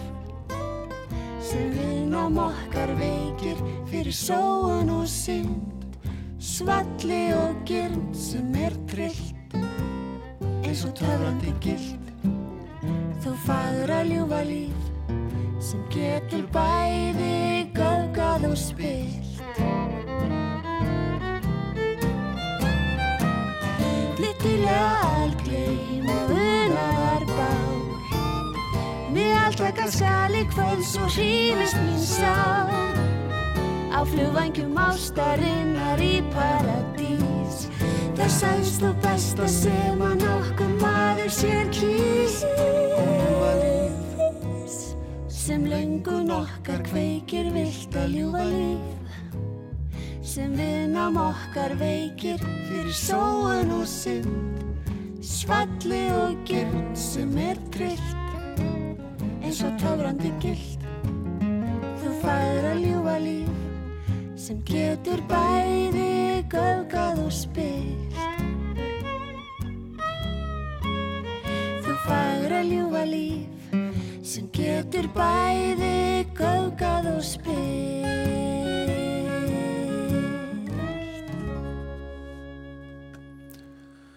Ellen Kristjánsdóttir, uh, já ekki bara Ellen, heldur líka Kristján bróðurinnar K.K. Ljúfa líf, lagið Erlend Ómar Ragnarsson gerði þennan texta. Dýrin og kvöldin til umfjöldunar hér áðan Helga Gunnarsdóttir er dýralagnir á Akureyri, já bara í eigafyrði. Og uh, fyrir morgun uh, var hjá okkur Margret Ólafíða Tómasdóttir sem er heimilislegnir, formaður félags heimilislegna og er einn fjölmargra lækna sem að flyttur erindi á læknadöfum sem að hefjast í dag og standa alla vikuna. Já. og hún velti ímsu fyrir sér hér í spjalli hjá okkur í morgun og saði frá ímsu við töluðum við hana um starfsumhverfi heimilisleikna og svo eins og við kallum það sko tísku bylgjur fólk grýpur ímislegt í sig grýpur eitthvað úr fjölmjölum eða umræðum á samfélagsmiðlum og líður einhvern veginn og hugsa já, þetta er að mér og fer til læknis og segir, heyrðu, þetta er að mér og ég þarf þetta við þessu. Akkurat og við höfum um, tilningu til þess að skoða þetta á samfélagsmiðlum og á, í fjölmiðlum og læknarnir finna það og, og fá til sín í kjölfarið uh, einhverja vikur og eftir fjölmjölum fullin í dag getur haft þannig áhrif. En hún saði okkur líka frá uh, því að uh, það eru tæplega hundra læknar í sérnámi núna í heimilislegningum. Það eru góðu fréttinar. Aldrei verið fleiri og uh, það er þörf á heimilislegnum. Það þarf að fjölga þeim en hún saði að það væri í rauninni stóra verkefni væri að halda þessu fólki í sérnáminu og svo í heimilislegningunum áfram. Vegna þess að stór hluti þeirra uh, bara uppliði uh, erfileika og þreitu í starfi rétt eins og aðrir eða sagt, heimilisleiknar gera. Og það er ekki uh, samskiptin við sjúklinga sem að valda þessu þessum enginum hjá læknum eða þessum, þessari þreitu það er skrifinskan oh. Þeir lifa á því að fá að hitta fólk og hjálpa því en það er öll skrifinskan, öll vottorðin og allt þetta sem að, um, er það sem að íþingir heimilisleiknunum. Framöndan er fréttaðið litið hjá okkur, kemur eftir uh, fjóra mínútur, uh, eftir það þá ætlum við að tala um sambúðar og fjölskyldu skipan landsmann og hvernig þau mál hafa þróast í gegnum árin.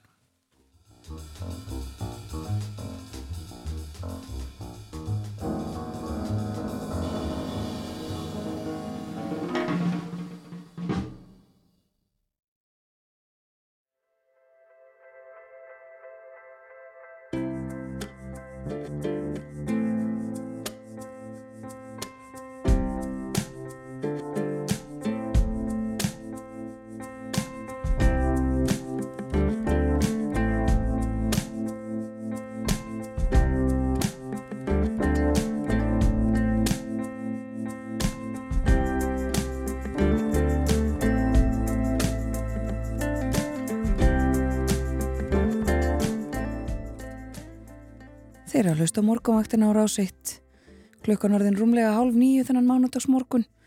Það er 16. janúar í dag. síðasti hluti þáttarins framöndan hjá okkur og eh, lítum aðeins til veðurs. Við höfum svolítið talað um kuldan, vorum að tala um áhrif kuldans á dýr hér áðan.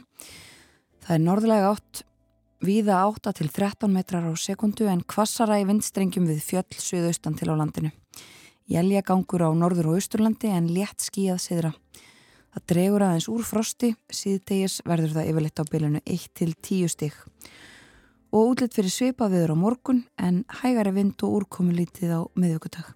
Þá herðir frostið aftur verður svo þokkalega kallt á fymtudag en á föstudag hlínar í byli. Þá gengur í sunnan og söðaustan 8 til 15 metra á sekundu með slittu eða regningu. Það verður þó þurft norðaustanlands framan að degi. En ætti að regna víða um landið og uh, það þýðir að það geti farið að leysa þennan snjó víða. Eh, hversu mikið vitum við nú ekki og þetta skýrist vist þegar nær dregur hversu mikill regningu við getum ótt vona og hversu miklum hitta en þetta verður skamvind því að strax á lögadag þá er kólnandi veður áfram og talsvert frost á landinu svo í kortunum á sunnudag. Nú ætla að tala um fjölskylduna, eh, svona sambúðar og fjölskyldu skipan Íslandinga ef svo má orðið komast. Hafa þessi mál breyst og þá hvernig? Við veltum því fyrir okkur næstu mínútur. Hjá okkur er Anton Örn Karlsson hann er dildastjóri hjá Hástofunni góðan dag og velkomin til okkur á morgunvaktina. Já, góðan daginn, takk fyrir að bjóða þér. Kjarnafjölskylda er hugtak sem er notað. Eh, hvað nákvæmlega er kjarnafjölskylda? Jú, kjarnafjölskylda er auðvunni fjölskylda það sem við erum með svona fóreldra og börn á einu og sama heimilinu Þannig að, yfirleitt er þá talað um þessu tveir fóreldrar, hvort sem þeir eru í hjúskap eða ekki og börn þeirra sem búa þá á heimilinu. Já, hvað eru börn í, í ykkar, ykkar skrám? Er, er það krakkar eða er það, er það fullorðin börn? Veistu, þetta er mjög góð, mjög góð spurning, maður hefur haldið að þetta væri einfalt að, að skilgreina en það eru til ansið margar skilgreininga á því hvað nákvæmlega eru börn, þannig að við það fer svolítið eftir hvað við erum að skoða í hvað skipti. Stundum eru börn bara skilgrendi í samræðum við Ísnesk lög og það eru bara þeir sem eru undir 18 ára en, en stundum tölum við líkum börn 14 ára yngri. Eða eins og þú segir, stundum eru við að skoða hérna þar sem uh, ungmenni búa en það hjá fóröldri sinum og þá eru börnin orðin eldin 18 ára og alveg upp í kannski 29 ára. Við þetta jafnfullur og við erum, erum börn fóreldur okkar. Akkurat, akkurat, það verður seint tekið af allavega. En ég nefndi það við hér í morgun að sko setjum þann fyrirvara á að hér er mjög gróf alhafing en uh, hér áður fyrr þá stóð fjölskyldan uh, samastóðun af, af konu og karli og börnunum þeirra mm -hmm. en uh, nú höfum við alls konar fjölskyldur eða ekki? Akkurat og, og það er rauninni sko svolítið áhört að skoða þetta sko hvernig þetta er að breytast og við sjáum til dæmis að, að það er nokkuð stígandi svona í fjölda hjónabanda án barna allt frá árinu 2001 þegar þau voru 23.520 það er að segja þá fjölskyldunar og til ásett 2022 þegar þau voru næri 35.000 og þetta er aukningum næstu í 49% en á sama tíma hefur mannfjöldin aukist um 33%. Þannig að við getum svona tólkaða þannig að, að sambúðafólk er á hjón hérna án barna. Það er rauninni svona, fer svona vaksandi vinsalda svona hjá því, því formi. En ef við skoðum hins vegar fjölskyldu það sem er í hjónabönd með börnum að þá er svona, hefur svo fjölskyldu gerðum okkur neginn svona stað í stað hérna á tímanbylunum þá 98 til 22 og verið á bylunum svona 22 til 24 þúsund hefur svona aðeins farið fjölgandi síðustu ár. Uh, en eins og það segir sko að þá erum við líka uh, einleipir hérna eða rauninni sko fólk sem býr eitt uh, það er líka svo fjölskyldu gerð sem kannski fer hvað mest, mest vaksandi og í rauninni varð svona þegar í sagt, flokkun hagstofunar svo vinsalasta eða svona algengasta hérna um 2007 þannig að þá í rauninni uh, var það þannig að uh, það voru fleiri fjölskyldur, það sem var bara einn heldur en það sem var einhvers konar annað fjölskylduform og tók þá yfir raunni hjón með börn sem var, sem flestir byggu í því fjölskylduformi, það voru tilherðu því en, en sem komið er samt, við getum ekki alveg sagt að kjarnafjölskyldan sé í rauninni dáin, heldur ef við tökum bæði saman þá hjón með börn og fólki óvíður í samband, samband, sambúð með börn, að þá er það ennþá fleiri í raunin sem tilhera þeim, tveimu fjölskylduform heldur en þeir sem búa einir. Einn er fjölskylda líka í ykkar, ykkar gögnum. Já, já, við, við taljum það þannig og það er rauninni, við sjáum það líka að það er svona það búsetu form, eða ég má kalla það það, sem fer svona mest vaksandi kannski bara yfir, yfir heimin og sérstaklega í vestur Evrópu og, og svona norður Evrópu. Og þar eru kannski allt upp undir eitt fjörði, allra fjölskyldna eru fólk sem býr eitt. Þannig að þetta er svona, er eitthvað sem ekki var mjög algengt hér fyrir á tífum allavega. Nei. Sko við erum að tala hér um beinhara staðrendir en, en er eitthvað vitað um ástöður þess að, að fólk kýsa búa eitt eða, eða býr eitt? Já, sko það er kannski pínu erfitt en við getum samt alveg sagt að það er svona ákveðin leitni bara í líðfræðum allan heim þar sem að það eru alls konar svona þætti sem er að breytast. Frjósemi fyrir lækandi, fjölskyldur, þeim, þær fara minkandi og mannfjöldin eldist auk þess að það fjölgar þeim sem býr í þéttbíli fólksflutningar millir landa frá vaksandi og allir þessir þættir hafa síðan áhrif á það hvernig rauninni fjölskyldur eru og hversu stór heimilin eru. Og bara ef við tökum nærtækt dæmi þá náttúrulega vitum við til þess að mikið af að margir þeirra sem flytja til Íslands að þeir eru koma hérna til þess að, að sinna starfi. Þeir eru ekki endilega að flytja eitthvað með fjölskyldunum sína jafnvel búa hérna í stutt uh, skamman tíma. Og þá sjáum við þessa aukningu í einmenningsheimilum í rauninni. Heimilum er að fjölga Já, heimilunum verður störa fjölg og það er svolítið það sem við sjáum með sko í lífskjara rannsóknum okkar hérna hjá Hagstofunni sem við framkvæmum árlega að þá sjáum við það að við erum með um 159.000 heimili sem við metum út frá niðurstöðum rannsóknarinnar og sem hefur þá fjölga frá árinu 2017 um tæplega 9% og það, það sem er svona líklegasta skýringi þarna og það sem við höfum séð svona í gegnum tíðan er það að einmenningsheimilum er að fjölga. Eh, er þróunni svipu hér og í öðrum svona samanbyrðar hæfum ríkjum? Já, svona mestu leiti. Það er einmitt þetta sem er sko að það fjölgar einmenningsheimilum og það fækkar raunni eh, ef maður skoða bara meðal fjölda á heimilum eða meðal fjölda í fjölskyldum að þá fer þeim tölum einmitt fækkandi og það er alveg svona áhugavert að skoða sko að hérna samkvæmt tölum frá 2015, þetta er ekki alveg nýjastu tölur en, en þetta eru svona segfljótandi stærðir líka þannig að það breytist ekki mjög hratt að þá vorum við svona í me, réttum meðalstærð heimila á Íslandi var svip eins og meðaltali í OECD-ríkunum sem er þá 2,5 sem býr á hverju heimili eða 2,5 einstaklingur sem er pínu skreitið að segja kannski en svona stærstu heimilu voru jafnan í Mexiko þar sem voru rétt tæplega fjóri sem byggur hverju heimili og en minnst í Svíþjóð þar sem varum 1,8 og það er svona algengt í norður Európu kannski að það séu um tveir á hverju heimili sem búaðar. Þannig að við erum svona kannski ennþá aðeins stærri, eða fleiri á okkar heimili svona jafnaði, en eins og í Núri, Þískalandi, Danmörku, Finnlandi þar á meðalfjöldi rétt um, um tveir.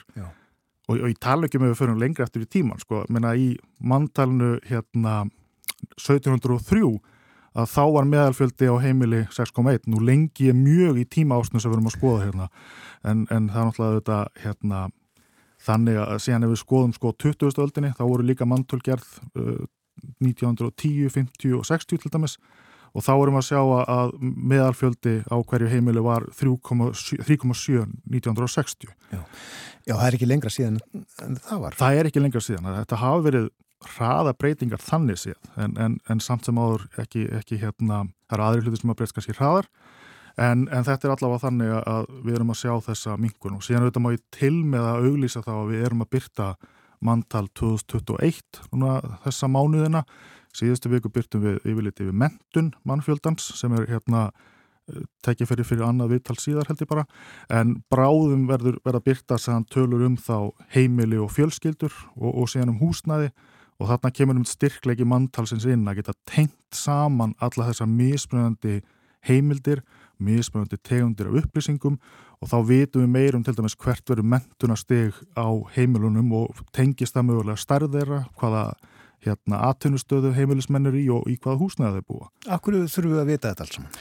Er það, náttúrulega við viljum vita sem mest um samfélag okkar heldur, en, en síðan náttúrulega þetta tengist þetta líka inn í, hérna, inn í heimsmarkmiðin til dæmis, þannig að, að saminuðu þjóðna gáð príðilega skýrslu árið 2018 gæti að vera 19 en hérna þar til dæmis var fjallað um uh, mannfjölda þróun yfir heimin í heilsinni og þar til þess að má sjá og þau, það er minnst á það í ingangi skíslunar að, að hérna, smerri heimili þau náttúrulega nota til dæmis meiri orku uh, á hvern einstakling heldur en önnur heimil og þess vegna skiptir þetta mál upp á umhverfisvönd til dæmis. Og síðan er það þannig að, að hérna, uh, það sem aðal fyrirvinnan er kvenkins, ef maður horfur á heimin í heilsinni, að þá eru þær yfirleitt með læri tekjur heldur en karlar og þess vegna eru slík heimili þá líklerið til að enda í fátækt eða öðrum svona uh, erfileikum, til dæmis ef, ef aðtunustig verður verra eða ef verðbólka fyrir på öllu valdi eða þess aftar. Þannig að það er mikilvægt að fylgjast með þessum hlutum að því að það skiptir málið þá fyrir stefnumótun og, og hérna hvernig við ætlum að takast á við þau vandamál sem á okkur stæðja, eða áskornir sem á okkur stæðja. Já, við töluðum um uh, gömlu dagana hérna áðan uh, og fórum aftur til 1703. Akkurát. En uh, Já, svo var þetta tíðin að, að fólk átti fleiri börn heldur en í dag mm -hmm. og ekki nómið það heldur voru kannski þrjár, þrýr og fjórir ætliðir á heimilum. Akkurat. Þetta er eitthvað sem við höfum ekki miklar upplýsingar um en einmitt kemur þá fram í manntalinu hjá okkur því að það er verið að skoða með þetta sko annars vegar þá kjarnanfjölskyldur en séu líka þryggja kynnslóða heimili þannig að afi og amma getur búið á heimilinu líka auk fóraldra og síðan barnana. En eins og er það þannig að við skoðum reglulega sko fullorðum börn í, í fóldrahúsum og við vorum að byrta þetta núna síðast bara 4. janúar síðastlegin að því að þetta hérna eru tölur sem hafa mikið að gera með bara þróun fastegnamarkansins og hvort það sé gott aðgengja lánsfí á þess aftar og þá til dæmis sjáum við það að ef við skoðum aldurshópin 18-24 og þá varum helmingur þeirra sem bjó í fóldrahúsum uh, árið 2021 en það voru þetta var enn herra hér áður, eða samt 2016 stuttu, stuttu fyrir, þannig að þá varum tveir ekkurinn þremur á þessum aldur sem byggi fólkdrúsum. En við sjáum það líka að við erum með eldri aldursóp sem er þá 25-29 ára og þar eru rétt um ein, einn af hverjum fjórum sem býr í fólkdrúsum. Það sem alltaf áhugart er það að það eru yfirlega, uh, alltaf algengar að séu karlar sem búa í fólkdrúsum en, en konur flytja uh, fyrr af, af heimilu fólkdrúsina sinna. Já við vitum kannski ekki nákvæmlega um ástæðunar en, en uh, getum náttúrulega getið okkur þess til að það er dýrt að eignast húsnæði núna. Já, akkurat og þetta er svona, einmitt, svolítið svona stærð sem við erum svolítið að skoða og að því að hún hefur bæði að segja með þá hvaða þrýstingurinn er á fastingamarkaðin, hvað sem mikið þarf að byggja af nýju húsnæði Þannig ég veit að félagur okkar á húsnæðars og mannverkjastofnun fylgjast náið með þessari stærð og, og allir sem er að spá fyrir. Já, þessu voru þú að geða eh, góð skil í áramótasköpunni.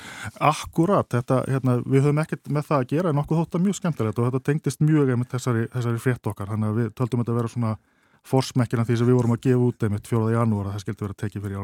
Akkurat. En fólk eh, kýsa að haga lífið sínu með ímsum hætti og, og eh, sumir sko vinir getur hugsanlega ákveðið að búa saman. Já, akkurat. Uh, sko, Feðgin, maðgin, uh, sískinni. Já. Er, Náðu við, utan, ná gögn ykkur utan það? Sko aftur þá er þetta eitthvað sem væri svona frekar eitthvað sem við myndum skoða þá í hérna manntalinu. Þannig að við komum þá með þeim eitthvað sko uh, tvær eða fleiri fjölskyldur kannski sem búa saman á einu heimili. Þannig að við erum svona einmitt komið með skurðpunkt milli fjölskyldana og síðan heimilisins.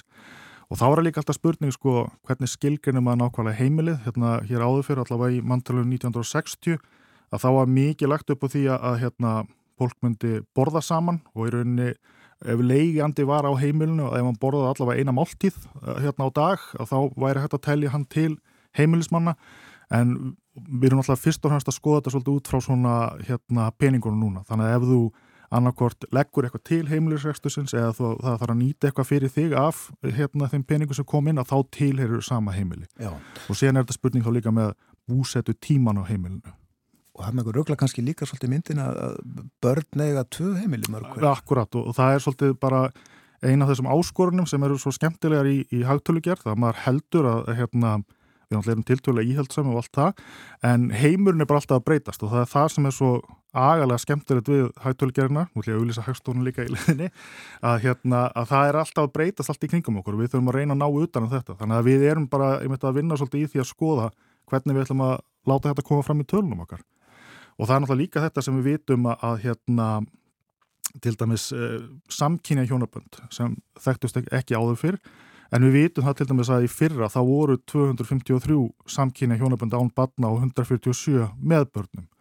Þannig að þetta er eitthvað sem hefur bara farið svona upp á við síðust ár og er sífælt að aukast. Þannig að, að hérna, aftur, þetta er eitthvað sem er ekki í manntælu 1960 og hérna, eitthvað bara sem kemur inn sem breytingar á samfélaginu okkar og við erum einum eftir bestu getum að lýsa þá samfélaginu með hægtólunum okkar. Gaman í vinni hefur. Það er rosalega gaman. Ég get ekki beðið eftir að losna hérna og, og stempla menn, sko. Ég get eiginlega ekki beðið eftir að fá því aftur til þess að tala um eitthvað annað. Það er margt að tala þegar, þegar hérna Gögn Hagstofun eru annars vegar. En þakkaði kellaði fyrir að koma til okkur í dag. Heru, takk fyrir sem við leðis. Byrja þessa vinnuviku hjá okkur á morgunvaktinu að tala um sambúðar og fjölskyldu form okkar hér á landi. Anton Örn Karlsson er deildastjóri hjá hagstofunni og svona kveikjana þessu spjalli svo ég segi bara frá því var uh, umfjöllun og umræða um hjónaböll og þorrablót þar sem aðeins hjón máttu koma minnir að Bólungavík hafi verið sérstaklega nefnd og líka uh, fáskursjörður held ég Já. og uh, á öðrum staðnum var reglum breytt en á hinnum ákveði að halda í gamlu hefðina Akkurat. en uh, það hefur margt breyst í þessu og, og uh, fjölskylda í dag uh, lítur öðruvísi út heldur hún gerði fyrir hundra árum. Sannlega og mjög margt forvitnilegt. Er nú bara að halda áfram að auglýsa þetta manntal hérna eins og Anton gerði. Það er afskaplega fróðulegt að kíkja á vef hagstofunar og skoða mannfjöldan til dæmis uh, alls konar kort, gagvirk og það er hægt að tapa sér hér í að skoða hvar fólki hefur fjölgað mest og uh, hvernig þróunin hefur verið. Uh, ég sé alveg uh, fjölmart sem að er áhugavert hér og hægt að skoða. En skulum heyra eitt lag uh, það verður svona síðasta kannski formlega dagskráratrið á morgunváttin í dag. Við heyrðum hér áðan Ellen Kristjánsdóttur og Kristján Kristjánsson syngja Ljúvalíf nú skulum við heyra Flossa Ólafsson og Ljúvalíf sleppa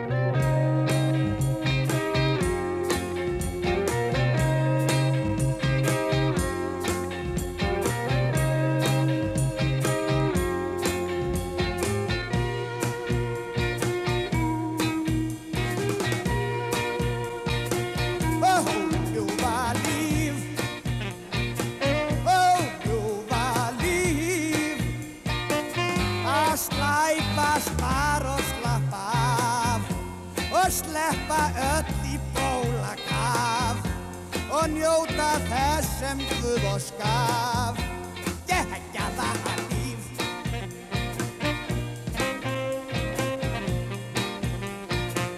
Oh, ljúfa líf. Oh, ljúfa líf. Að gefa skíti allt og skemta sér. Sko pappi vinnur fyrir mér. Og allt svo er recognize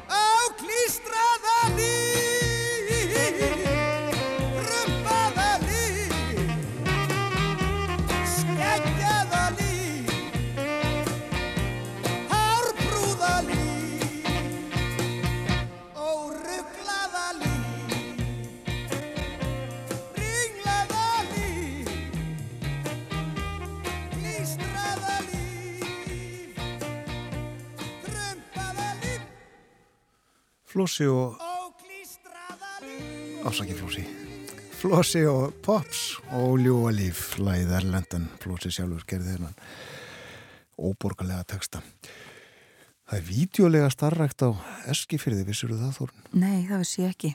Fjallaðum hana í Östurfjett, Östurfjett sem er á netinu og uh, er þar sem sagt brot úr Östurglugganum blaðinu sem að gefið út á Östurlandi. Rættið Trausta Reykdal sem að legur, regur þessa videolegu og hefur gert frá 1980 og það var þá þegar hann var stofnuð fyrsta videolegan á Östurlandi og það nú tekið fram að það er réttar að tala um verslun, fæst hjá hann mými skjafavar og tópaksvörur og Trausti Reykdal segir e, það er eiginlega ekki spurning að ef ekki hefði komið til tópaksvörur eins og veipið þá var ég þegar búin að loka búðinni það er sannst veipið sem að bjargaði síðustu vídeolegu landsins þetta er fyrirsögnin en hann segir það er enn fólk sem að kemur og leiði sér spólu eða disk en auðvitað er það tildurlega fámennur hópur. Já, en einhverjir þó enn. Einhverjir já. þó, já. Og uh, Trausti Reykdal hefur samhliðið Veslunareiksturinnum starfa sem hárskeri, ger það enn. Og á all stóran viðskiptina vinahóp sem að hefur hefur uh, farið í honum lengi lengi. Og uh, hann segir já ég á góðan hóp sem kemur til mín og sumir hafa gert það árum og áratugum saman. Og þar sömulegði sem fólk að gera sér tölverðar ferðir til að koma til mín.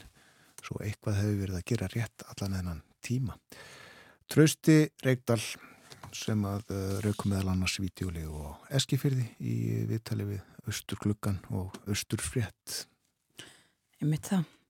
Þessu er að ljúka hjá okkur uh, í dag. Ég hef ekki að minna aðeins á handbóltan Það er leikur í dag. Ísland uh, og Suður Kóra og leikurinn er ekki uh, í kvöld eins og síðustu tveir leikir hafa verið klukkan halv åtta, hann er klukkan fimm og það hefst HM stofa í sjónvarpinu klukkan halv fimm. Og uh, Suður Kóraumannum hefur ekki gengið vel. Nei. Og vonandi þetta heldur það áfram. Við hljóttum að vonast eftir því að Íslandingum gangi betur heldur en um helgina þegar þeir töpuðu fyrir ungurjum en við heyrðum hérna áðan líka í uh, Guðmundi landsleisjálfara hann var að rekja uh, hvernig þetta hefði verið á ólimpíuleikunum í, í, í Kína og þá hefðu bara unnist tveir leikir í reilunum en það hefðu nú farið samt uh, allarleið í úsletaleikin og tiltók þannig einhver fleiri stormút hann hefur þetta getur rækið þetta aftur, hann hefur verið á þeim mörgum. Akkurat og hann kann sitt fagan guðmundur. Já, það verður ekki annað sagt. Lengri verður þátturinn ekki í dag, við verðum hér áttur í fyrramálið bjóðum góðan dag þegar klukkunum vanda tíu mínutur í sjöen þökkum samfélgina og við vonum að þið njóti dagsins. Verðið sæl.